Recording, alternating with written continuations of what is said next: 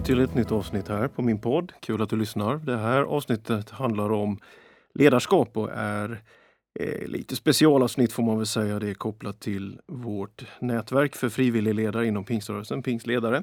Och en del också av det nyhetsbrevet som går ut nu i den här tiden av året under augusti månad. Så välkommen att lyssna på en podd om kristet ledarskap.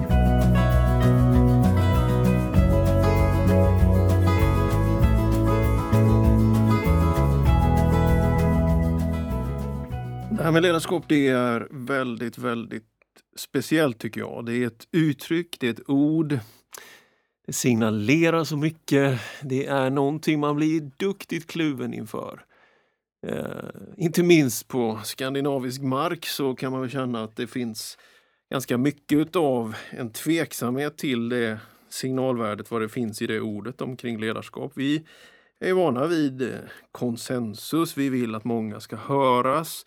Vi drar ibland en slutsats av demokratin att den skulle innebära eh, avsaknad av ledarskap, att, att eh, en person, en röst innebär lika stort inflytande också i, i ledarskapsfrågor. Så, alltså det finns en Scandinavian model liksom som eh, karaktäriseras av kanske det mer informella, det som är att vi inte har så stora löneskillnader och att man deltar i beslutsfattande. Att det inte är så stor skillnad på chef och medarbetare. Och det finns ju någonting väldigt, väldigt fint i det.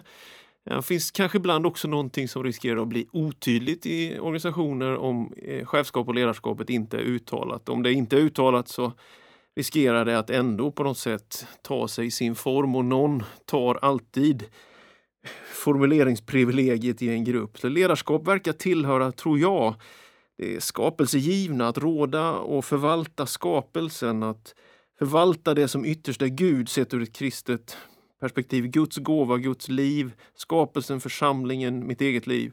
Att leda det är inte att styra över det utan det är att förvalta det och leda det framåt till det Gud har tänkt med det.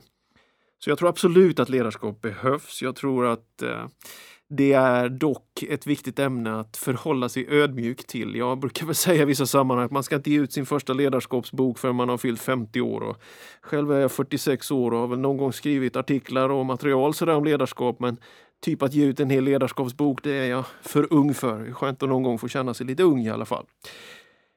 Nåväl, i den tidiga kyrkan så ser man ju, tycker jag, två tydliga strömningar. Det brukar vara grunden i min undervisning om andligt ledarskap. Det är det jag brukar kalla det vertikala och det horisontella.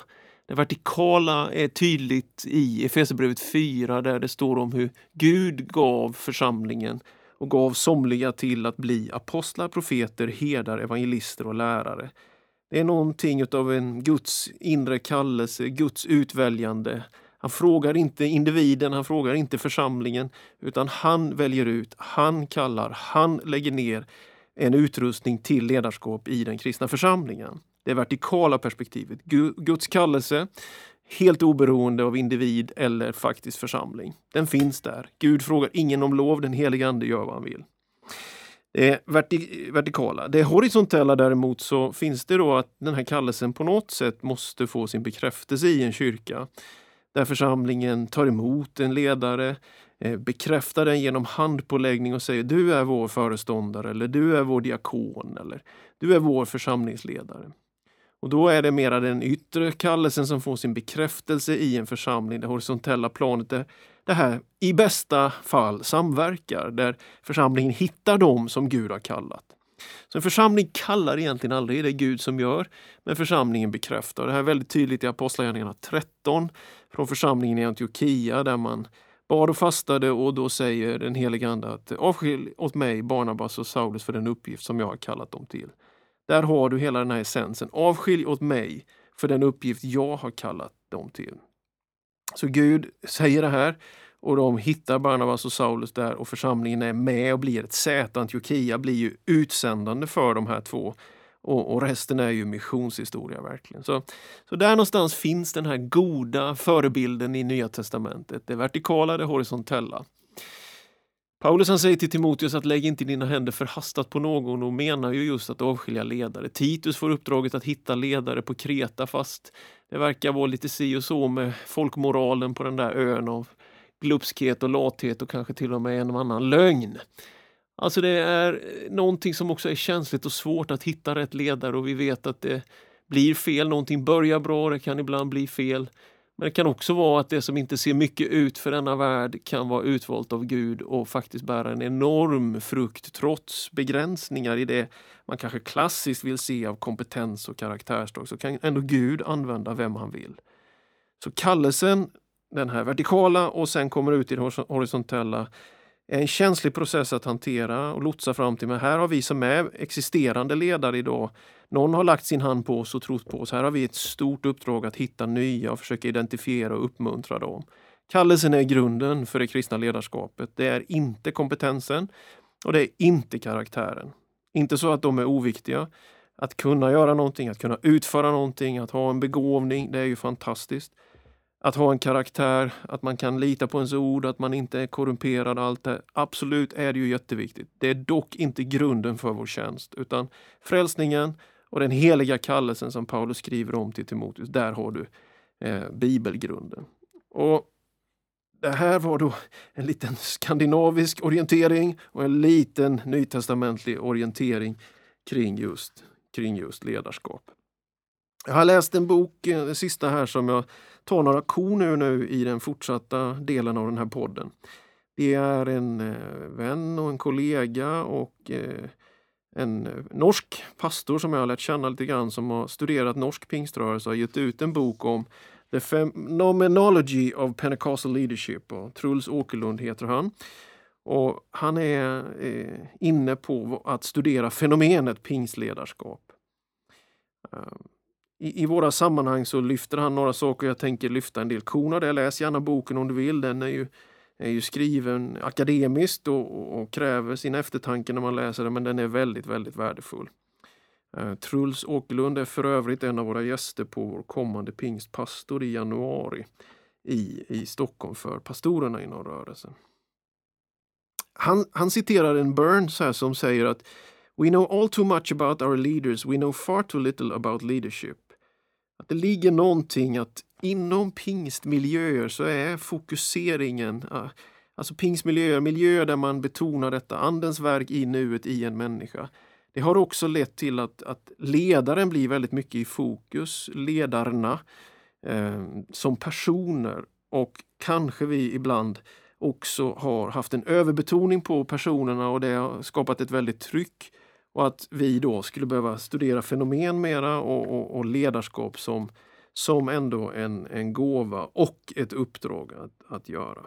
Han eh, går vidare och tittar på att pingstväckelsen är ju en del av globaliseringen. Azusa Street, att vi alltid har varit i, i rörelse mot det internationella, kommer ifrån det, på väg till det, gör att det är också präglat väldigt mycket att vårt eh, vårt missionsarbete och, och, och, att nå ut i alla världar.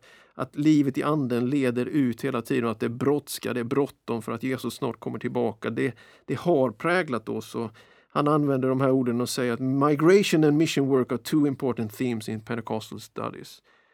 Och det tror jag han har helt rätt i, att fånga det här. Vad är en rörelse? Vad är det här mer pilgrimsmässiga som inte bygger institution utan är mera tältmöte än byggnad som är mera en, en, en folkrörelse än en, en kyrka på det sättet. Betoningarna finns inom pingst väldigt tydligt och att det är präglat utav uppdragsfokuseringen. Det präglar vårt sätt att tänka ledarskap, menar Truls, och det tror jag han har helt rätt i, att vi på det sättet eh, lyfter fram ledarskap i form av uppdragsfokusering.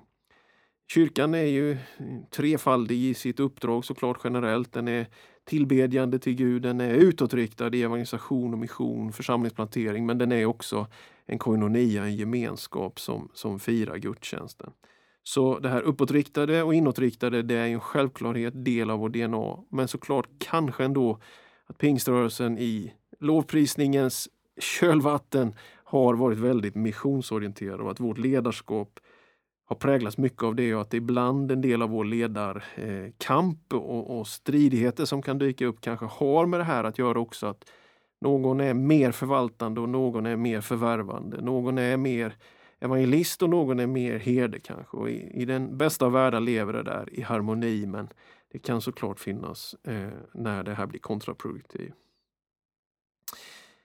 När man studerar pingstväckelsen så ser man ju faktiskt att det när jag tänker på min egen förkunnelse och många andras förkunnelse. För oss, vi, det är möjligt att vi har en väl romantisk bild av pingstväckelsens början, men för oss är det nog ändå så att den här bönelängtan efter helig ande som direkt leder ut på missionsfälten, som blir faktiskt explosiv tillväxt, inte representerar det som är en eh, Eh, om man får citera Hollenweger, en annan teolog, alltså det, det, representerar mera hjärtat än en barnslig del av vår historia. Så att det mer beskriver pingströrelsens andlighet än att det skulle vara de första årens eh, barn, barnsliga naivitet som ledde ut på gator och gränder.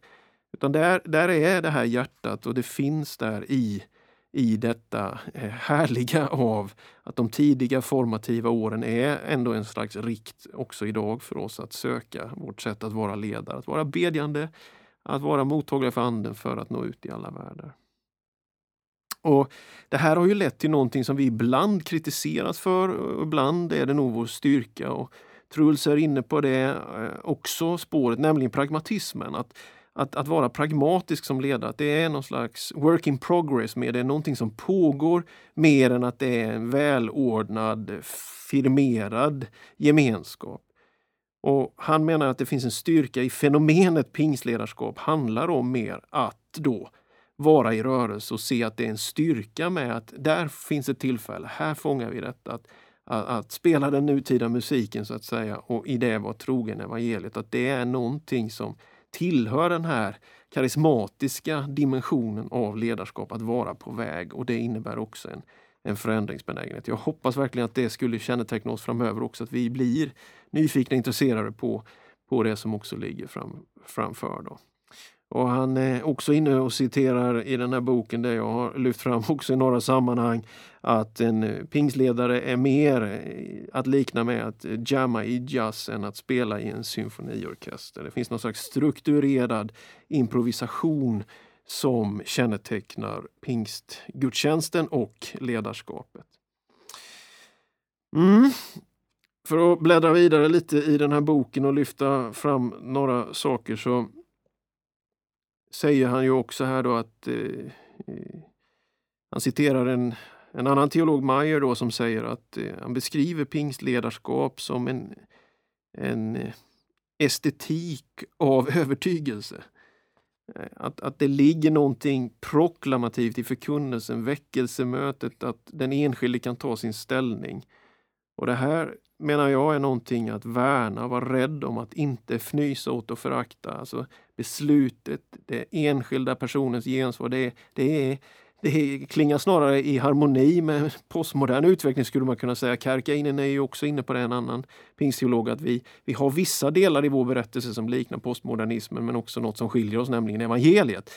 Men, men ändå att det här ligger i att vi, vi kanske kan verka övertygande och, och, och på något sätt, eh, lite finns det en arketyp att en pingstpastor går på liksom. Men egentligen så, det fina med det är ju just att var och en ändå får chansen, blir utmanad att ta sitt ställningstagande om man vill ta emot Jesus eller om man vill vara med och tjäna i församlingen. Att vi, vi bygger inte på systemet utan vi bygger på det brinnande hjärtat. Eh, sen är det ju en utmaning att det här individuella gudsuppfyllandet i varje person, kallelsen och ändå ska det hitta sin gemenskap då i en organisation. Och där är ju eh, lika mycket som vi behöver betona den personliga kallelsen behöver vi betona överlåtelsen till det gemensamma. Att jag är inte en solist liksom, utan jag spelar med i ett band där vi är många. Det är det som kallas för kyrkan. Så ledarskap som eh, ska på något sätt synkronisera, måste kunna synkronisera det inre drivet i en enda person och eh, helhetens eh, betydelse av ja, församlingen. Och där är ju det ett stort ansvar vi ledare alltid har att definiera den verkligheten. Och ibland kanske hålla emot lite grann, och ibland släppa på att anden får leda en som, som en god ledare. där.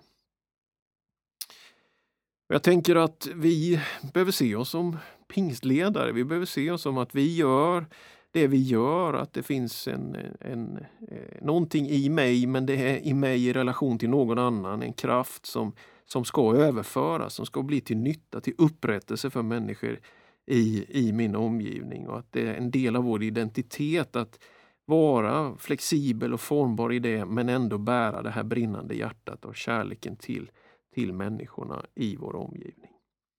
Nåväl, på Pingstledare i höst så kommer vi ju att fokusera ledarskap i eh, workshops och även ett tonläge. Det är någonting fantastiskt att ändå få vara en ledare. Du behöver inte hålla på och säga hela tiden jag är ledare, jag är ledare. Det visar sig, det bär frukt i ditt liv i så fall. Men du ska inte heller gräva ner din talang och din gåva och din, framförallt din kallelse då, utan, utan var med och ta ansvar. Luta dig inåt och framåt och var en av de som bär församlingen vidare.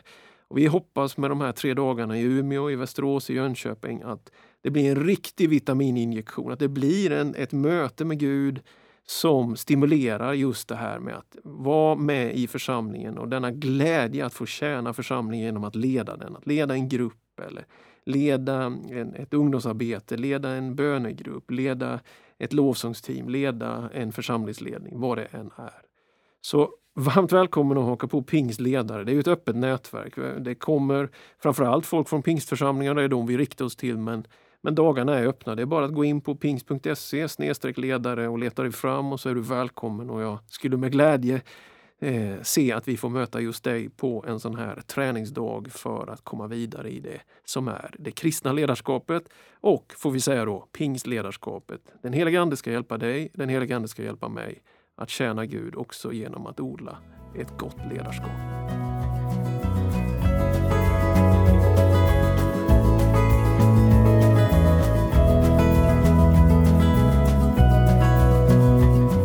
Tack att du har lyssnat till min podd idag. Gud välsigne dig.